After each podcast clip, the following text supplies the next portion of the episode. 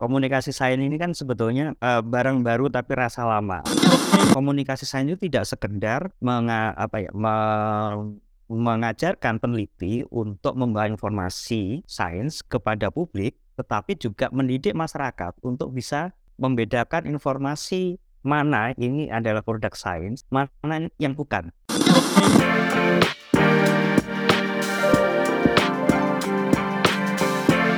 Hai sahabat TCID, kalian sedang mendengarkan podcast Suara Akademia. Ngobrol seru isu terkini bareng akademisi. Minggu lalu adalah penanda bahwa Suara Akademia sudah 100 episode nih Sobat TCID. Kita uh, memang sudah memulai podcast ini tuh sejak 2 tahun yang lalu.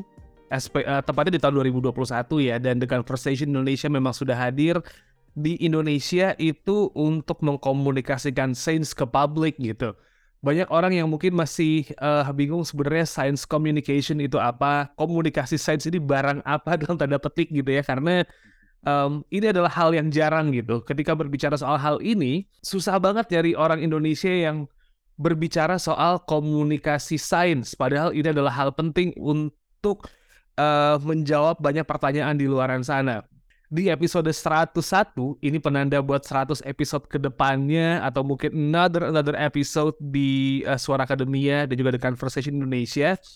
Um, saya Muhammad Syarif, podcast produser dari TCID, pengen ngajakin ngobrol seseorang gitu ya.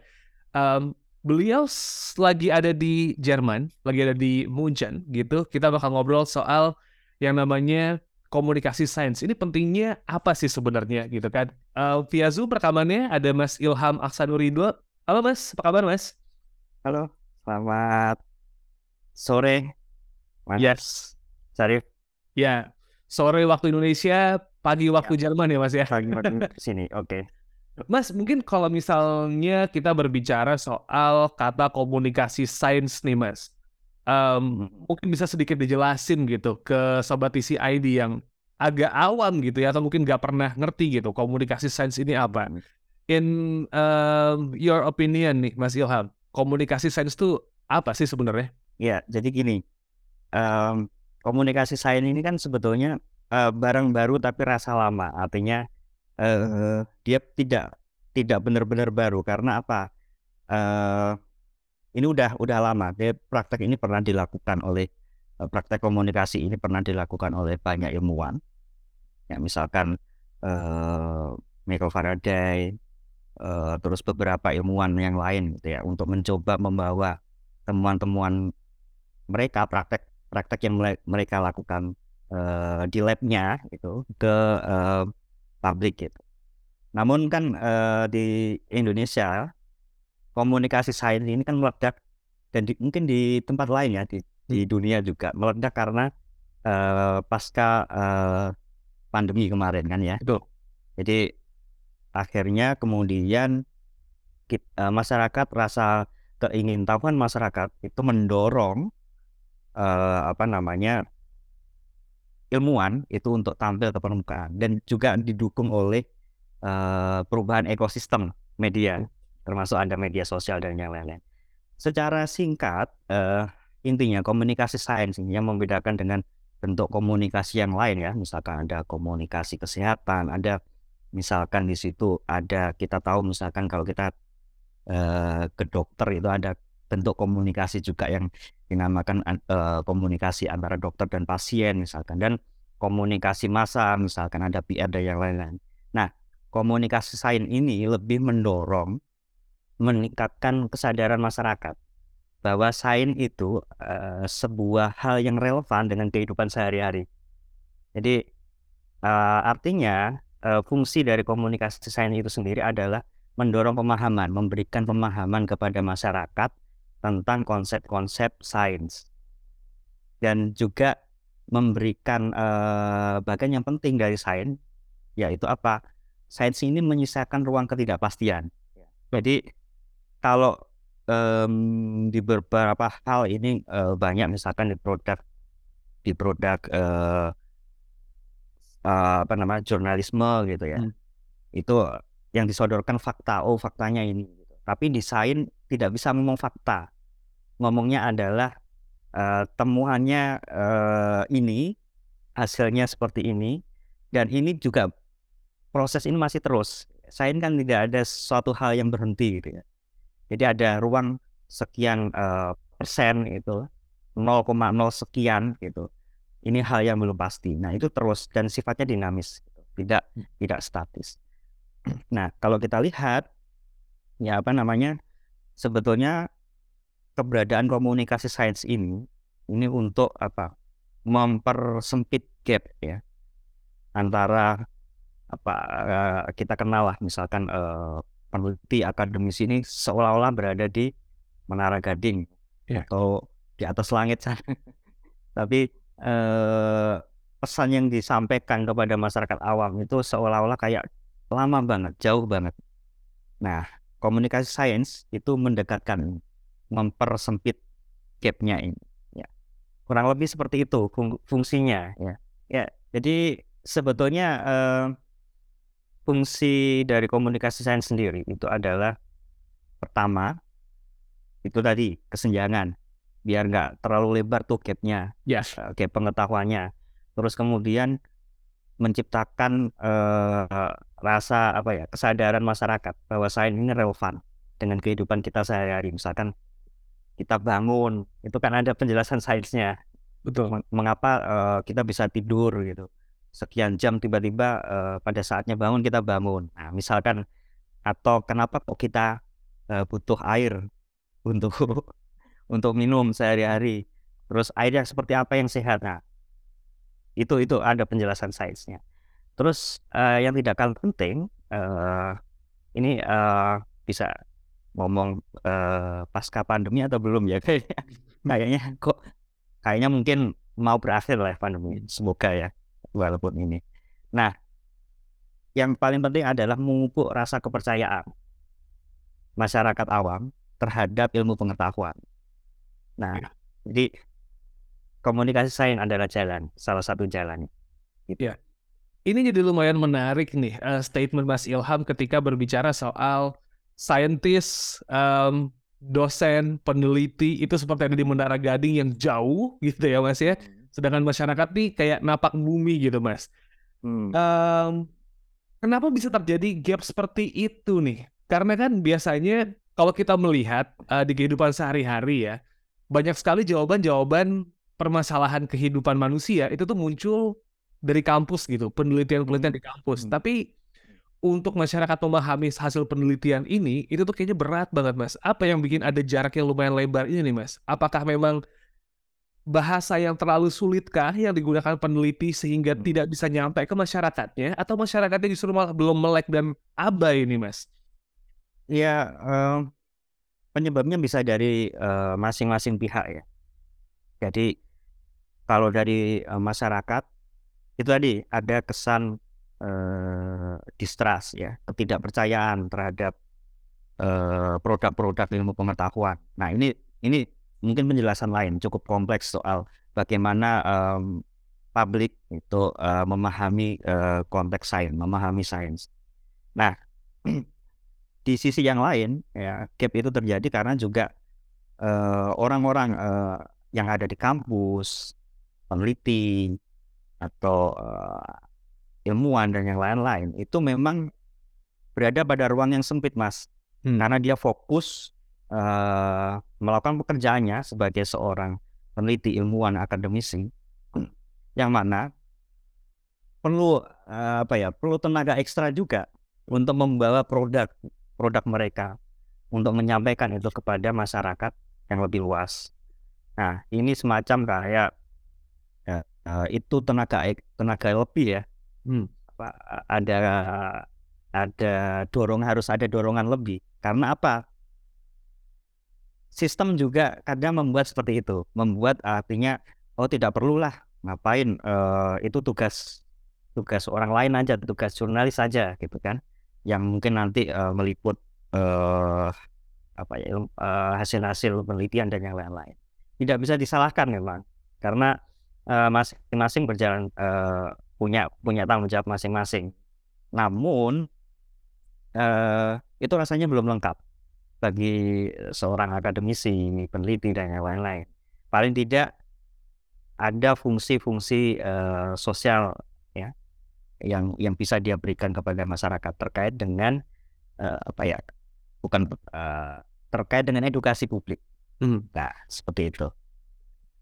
Tantangannya lumayan banyak ya Mas ya kalau kita berbicara tadi nih uh, menara gading uh, lalu juga tadi sistem yang membuat sepertinya uh, ngebuat akademisi atau mungkin peneliti dan juga uh, ya scientist yang ada di kampus atau mungkin di lembaga penelitian lain untuk membawa ini ke masyarakat supaya dipahami selain faktor eksternal yang memang nggak bisa dikontrol nih sama akademisi dan juga peneliti kan. Tantangan yang lain nih mas ketika akhirnya uh, para scientist UI ingin mengkomunikasikan hasil temuannya nih ada tantangan apa lagi sih mas? Especially di era digital sekarang ya yang hmm. informasi semua orang bisa bikin informasi nih. Pembuktiannya yang susah gitu. Ya. Hmm. Tantangannya sih ini ya, karena ada kita kadang-kadang uh, saat ini ada di sebuah apa sebuah kondisi yang yang aku namakan intermediasi. Jadi semua itu uh, semua orang itu bisa ini bisa jadi uh, influencer, semua Betul. orang bisa tampil ke permukaan dengan media sosial.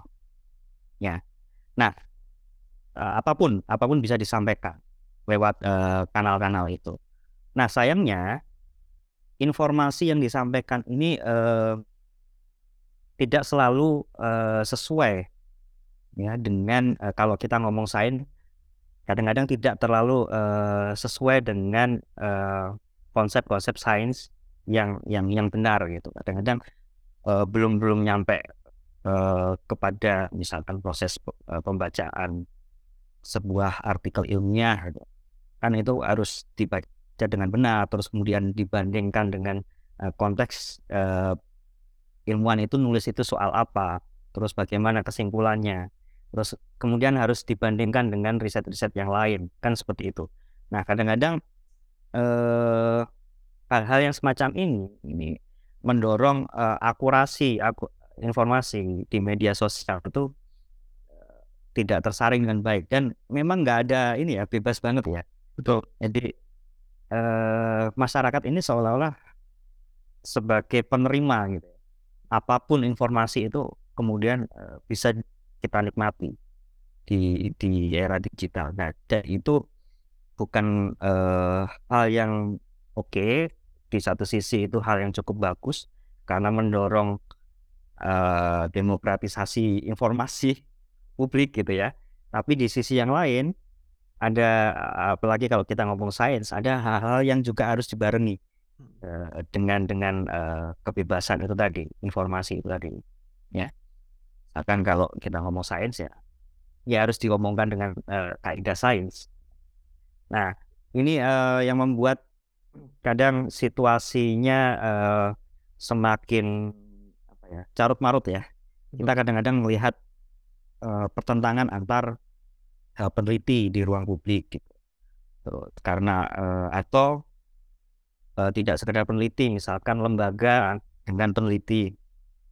Ya yaitu karena uh, peneliti sendiri di satu sisi belum siap untuk membawa dirinya ke dalam komunikasi yang luas, apalagi di era media sosial, ya.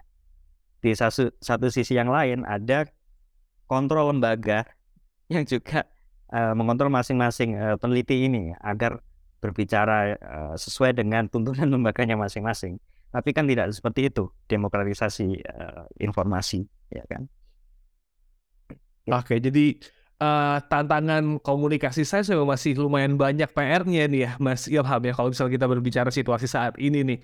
But sekarang kita coba ngobrolin soal uh, faktor eksternal yang tadi kita sebut gitu. Melihat masyarakat yang masih punya distrust atau mungkin trustnya kurang deh sama komunikasi sains ini nih mas. Especially soal peneliti. Berkaca dari COVID kemarin deh ketika peneliti berbicara soal bahwa ini virus uh, salah virus COVID-19 adalah virus yang berbahaya, maka gunakan masker. Masyarakat masih bisa ngomong yang ah hmm. itu apa namanya konspirasi gitu. Hmm. Kita berbicara soal uh, masyarakat sendiri nih Mas. Gimana ya uh, dari sudut pandang Mas Ilham buat meningkatin masyarakat untuk bisa lebih berminat dan juga terlibat dalam komunikasi sains nih Mas?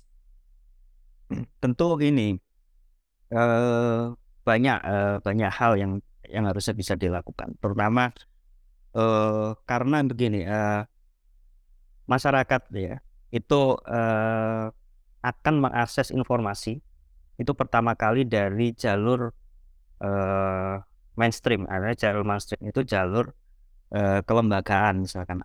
Nah, kalau di Indonesia itu ada lembaga-lembaga yang dia mengeluarkan juga informasi, misalkan rilis uh, pers terkait dengan sesuatu, misalkan pada konteks COVID ada Kementerian Kesehatan dan yang lain-lain. Nah biasanya mengakses dari situ. Nah kemudian apa namanya uh, peneliti juga punya uh, informasi uh, yang lain mungkin alternatif ya, informasi yang lain yang dia juga punya uh, kebebasan juga untuk menyampaikan. Nah uh, di sini ya kadang uh, kita sebagai masyarakat awam itu terlibat dalam apa kok uh, berbeda. Kalau syukur-syukur misalkan pendapatnya sama, itu oke. Okay. Berarti terkonfirmasi, oh ini dapat dipercaya.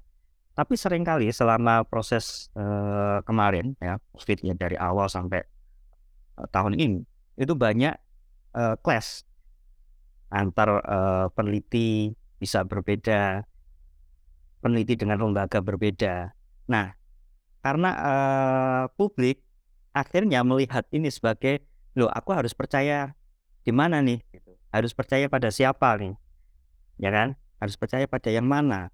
Nah, di sinilah sebetulnya peran komunikasi sains agar bisa mendorong masyarakat bisa memilih informasi, bisa menelaah informasi yang benar. Caranya bagaimana? Jadi tidak sekedar komunikasi sains itu tidak sekedar menga, apa ya, me, mengajarkan peneliti untuk membawa informasi sains kepada publik, tetapi juga mendidik masyarakat untuk bisa membedakan informasi mana ini adalah produk sains, mana yang bukan. Ya. Nah, problem di uh, di tempat kita ini problem ini tadi apa istilahnya scientific temper ya. Hmm. Masyarakat ini yang perlu didorong ya. Kalau apa bagaimana peneliti menyampaikan uh, ke publik ini saya saya pikir selama hampir tiga tahun pandemi ini teman-teman peneliti sudah mulai banyak belajar. Walaupun ya saya juga uh, banyak belajar juga. Uh, tapi uh, yang perlu didorong lebih keras itu soal ini tadi bagaimana kemampuan masyarakat untuk membedakan mana ini uh, informasi sains mana yang tidak itu sih uh, menurutku beberapa hal itu yang yang perlu uh, diperhatikan ya Ya, memang sepertinya masyarakat uh, masih sedikit apa ya? Kadang-kadang ngerasa bingung gitu, Mas, ketika hmm. ada apa ya? Ada fakta yang disampaikan oleh peneliti A, peneliti B, kelas terus harus percaya yang mana? Akhirnya hmm. bingung sendiri. Um, now we are looking to the scientist itself nih. Apa yang bisa uh, teman-teman peneliti, akademisi, ilmuwan gitu, Mas, untuk bisa meningkatkan pemahaman masyarakat soal uh, ilmu pengetahuan nih, Mas, dan juga memperkuat komunikasi sains ini sendiri especially di era digital sekarang ya karena sepertinya komunikasi sains dalam tanda petik dipermudah gitu. Hmm. Ya sebetulnya ini ya dari sisi ilmuwan sendiri itu memang harus uh, mengupgrade kemampuan karena ya ya mungkin bukan kemampuan di bidangnya ya. Mungkin saja misalkan seorang peneliti uh, biologi atau peneliti uh, kesehatan, kedokteran atau peneliti sel. Itu kan dia belajar tentang sel, sudah sangat mafhum ya. Paham sel apa. Tapi untuk belajar uh, bagaimana cara dia menyampaikan ke publik, dia butuh uh, asupan informasi yang lain, butuh tambahan pengetahuan yang lain dan itu harus dia sadari dulu bahwa oke, okay, aku butuh uh, apa pengetahuan lain, aku butuh kemampuan lain agar aku bisa membawa uh, ilmuku ya, hmm. untuk tak sampaikan publik. Nah, sering kali ini belum belum belum belum apa ya belum disadari oleh peneliti. Ya, oleh karena itu ya eh, kadang ini harus dilakukan secara mandiri karena di secara kelembagaan saya pikir um, di tempat kita masih minim ya kan untuk untuk pengetahuan yang khusus tentang ini walaupun saya lihat di beberapa lembaga saat ini misalkan contohnya di BRIN itu sudah mulai banyak uh, misalkan pelatihan untuk komunikasi sains dan yang lain-lain. Dan saya rasa itu bagus gitu. Di, di beberapa universitas juga saya melihatnya yang sama gitu.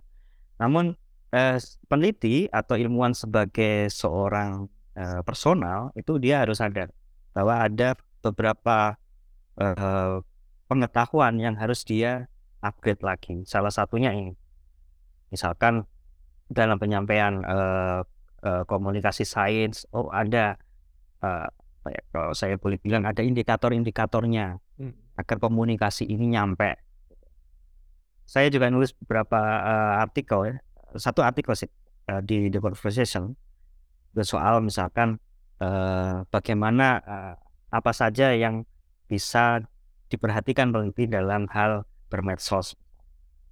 Apa saja, misalkan soal kecermatan uh, ilmiah.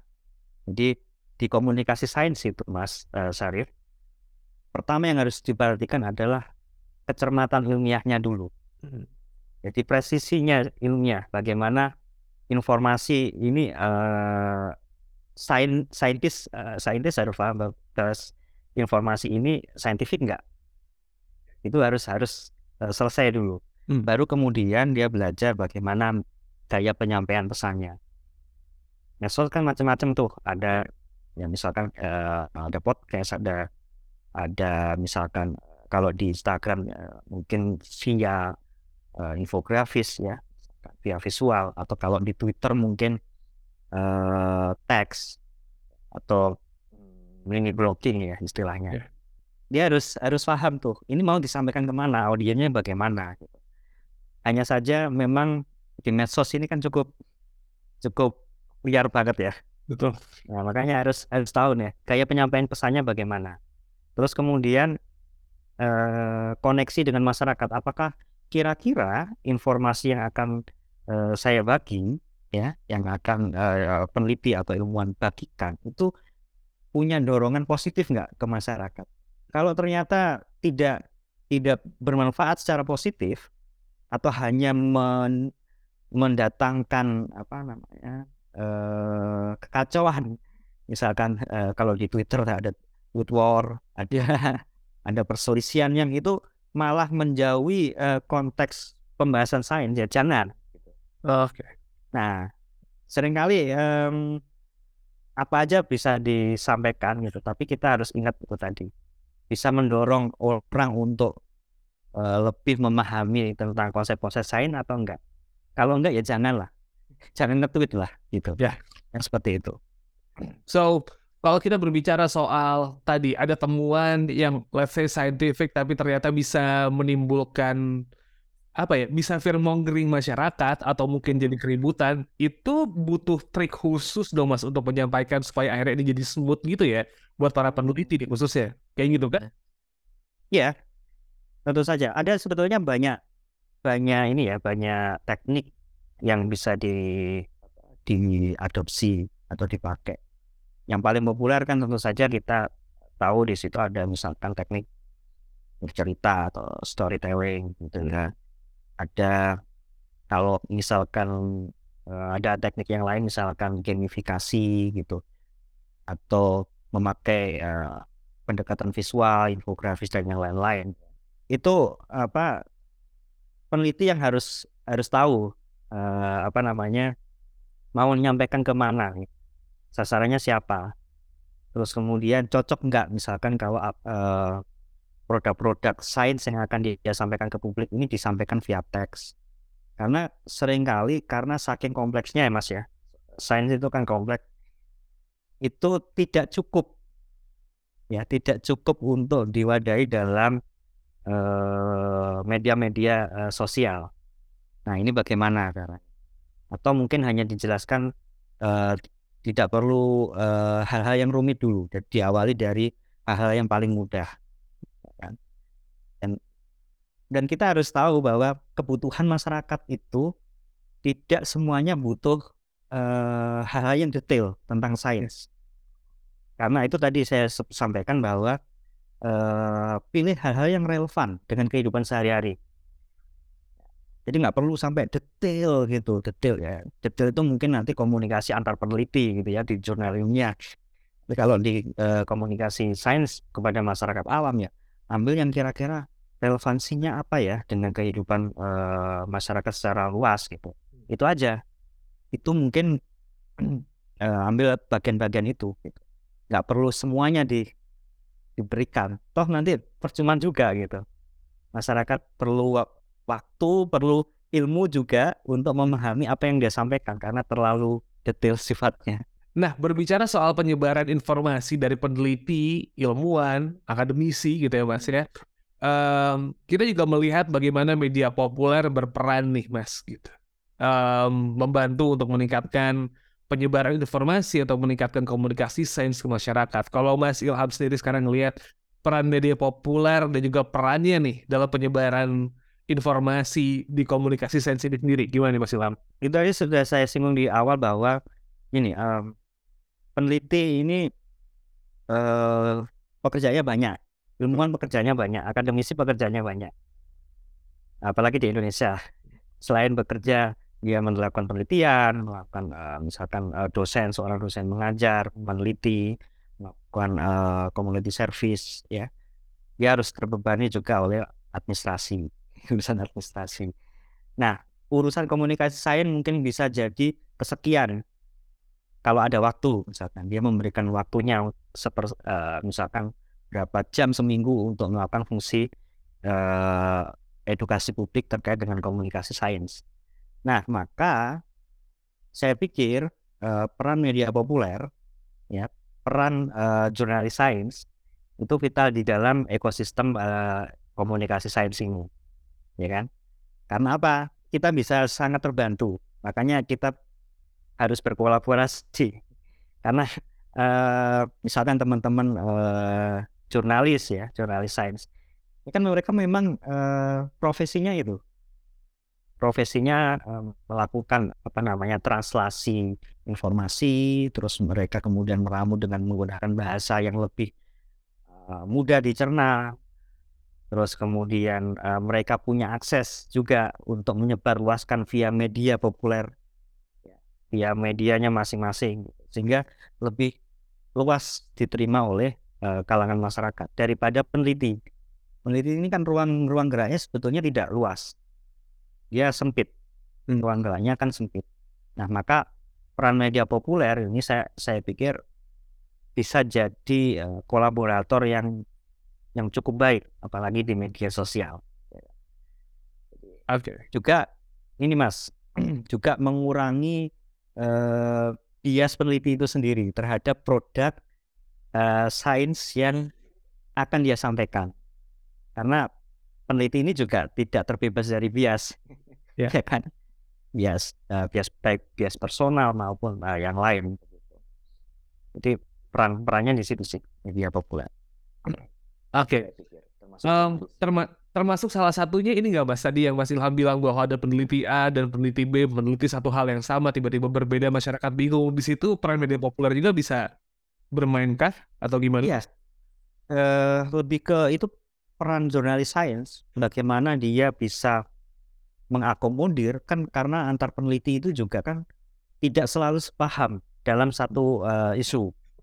Nah, bagaimana ya dia bisa mengkolaborasikan beberapa informasi itu menjadi satu uh, misalkan katakanlah artikel yang kemudian masyarakat pada pada akhir pada akhir tulisan itu masyarakat bisa tahu oh perbedaan uh, pendapat pakar atau peneliti A dan B ini didorong oleh ini sebetulnya. Hmm. Nah, kenapa kok mesti berbeda? Kenapa kok mereka berbeda itu karena ini. Karena oh ternyata mungkin metodenya yang berbeda atau pendekatannya yang berbeda. Nah, namun kesamaannya ada ini, misalkan seperti itu. Dan manfaatnya ini. Jadi peran media populer di sini lebih mendorong itu tadi.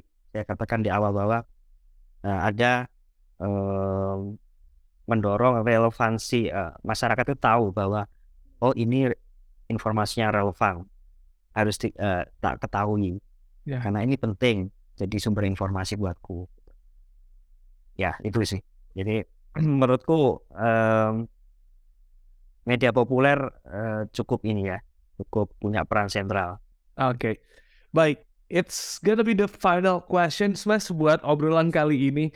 Eh, dari sudut pandang Mas Ilham sendiri, kalau melihat soal komunikasi sains yang sudah berlangsung di Indonesia, barang baru yang sebenarnya udah lama berjalan gitu ya, karena peneliti biasanya pengen coba buat menyampaikan ini, eh, menyampaikan informasi hasil penelitiannya ke masyarakat luas gitu, Mas. Mungkin em, harapan atau mungkin gimana cara memperbaiki komunikasi sains di Indonesia, Mas, dari sudut pandang Mas Ilham. Ada pendapat, Mas? Monggo, silakan, Mas. Iya, eh, jadi peneliti harus punya kesadaran pertama bahwa tidak semua eh, pengetahuan dia itu tahu. Jadi eh, kalau misalkan eh, peneliti sosial atau peneliti eh, sains, eh, kedokteran itu punya eh, ruang lingkup pengetahuannya spesifik. Masing-masing ini kemudian kalau mau mentransformasikan pengetahuannya kepada masyarakat luas, saya pikir jalan jalan yang paling cepat itu dengan berkolaborasi. Kolaborasi dengan siapa? Dengan eh, media eh, populer sains, dengan eh, jurnalis sains, sehingga mereka punya eh, jalan yang cepat untuk banyak juga belajar dari jurnalis, ya, bagaimana cara mengemas eh, produk-produk sains mereka menjadi lebih ya lebih ngepop gitu ya lebih lebih enak dibaca atau diserap oleh masyarakat yang lebih luas. Nah ini yang saya pikir eh, harus harus sama-sama disadari karena kalau dasar kolaborasi itu kan eh, hubungannya setara. Ya, jadi em, peneliti tetap melakukan tugas utamanya sebagai peneliti, eh, media populer juga membantu bagaimana menyebarkan supaya akhirnya masyarakat Hmm. mendapatkan informasi yang Iya, eh, relevan dan juga masyarakat akhirnya juga bisa membaca yang apa ya Mas ya, yang sudah tersaji dengan mudah untuk dicerna, kurang lebih kayak gitu ya Mas ya. Iya, yang paling relevan dengan kehidupan mereka. Ah, Oke. Kalau begitu, Mas Ilham Aksanuridlo dari eh, Universitas Erlangga yang sekarang sedang melanjutkan studi di Jerman. Terima kasih Mas buat obrolannya kali ini ya Mas ya.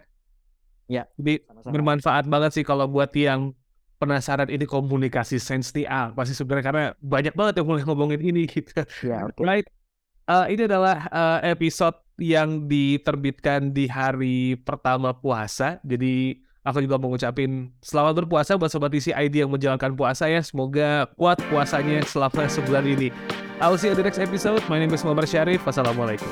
Kalian telah mendengarkan podcast Suara Akademia, ngobrol seru isu terkini bareng akademisi.